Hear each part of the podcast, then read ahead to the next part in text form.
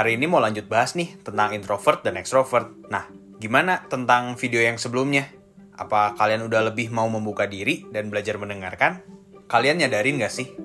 Hal-hal keren bagi masing-masing kalian. Baik itu introvert atau extrovert. Buat si introvert, kamu nih si introvert. Kamu tuh paling jago untuk fokus.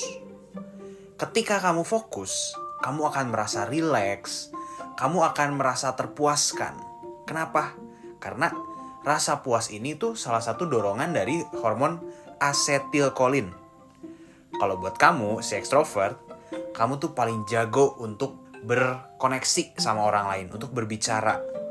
Kamu paling suka ngobrol sama orang. Nah, yang bikin energimu makin besar itu didorong sama hormon yang namanya dopamin. Jadi, hormon-hormon ini buat apa nih? Sebelum pembahasannya kita lanjut, Jangan lupa untuk bantu like, komen, dan subscribe channel kita Unbelievable Production. Juga jangan lupa follow Instagram kita Unbelievable Official untuk hal-hal positif lain dan juga video-video selanjutnya yang pasti berguna bagi kalian. Nah, kalau asetilkolin, gampangnya nih, itu hormon untuk ngirim data ke otak. Jadi seorang introvert bakalan dapat energi lebih besar lagi dan dorongan lebih kuat lagi dari hormon asetilkolin untuk fokus. Makanya kamu tuh paling jago untuk fokus. Nah, kalau dopamin buat apa? Dopamin itu hormon yang memberikan kamu energi. Energi ketika kamu menyelesaikan sesuatu. Buat si extrovert, jelas hal yang dia suka, yang dia selesaikan adalah ngobrol sama orang. Makanya, ketika si extrovert berdiskusi, berbicara sama orang lain, dia tuh mendapatkan dorongan lebih lagi dari hormon dopamin. Makanya, sangat penting untuk punya tujuan hidup yang jelas. Jadi, sama aja kan sebenarnya.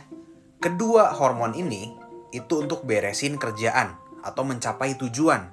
Makanya sangat penting untuk punya tujuan hidup yang jelas. Introvert dan extrovert nggak beda jauh kan? Cuman bedanya dari keterbukaannya aja. Dan ya spesialisasinya deh. Malahan lebih keren lagi, di dunia yang sekarang tidak pernah berhenti, yang kita butuhkan itu adalah hati atau keinginan untuk mendengar. Bukan hanya pakai kuping aja. Makanya, buat kamu si introvert yang udah jago untuk hal itu, yuk terusin. Dan buat si extrovert, coba belajar deh untuk mendengarkan lebih lagi. Tapi juga dibutuhkan si pemulai pembicaraan.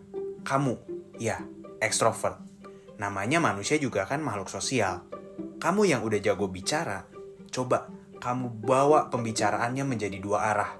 Kamu sharing dan kamu bawa teman kamu pun sharing.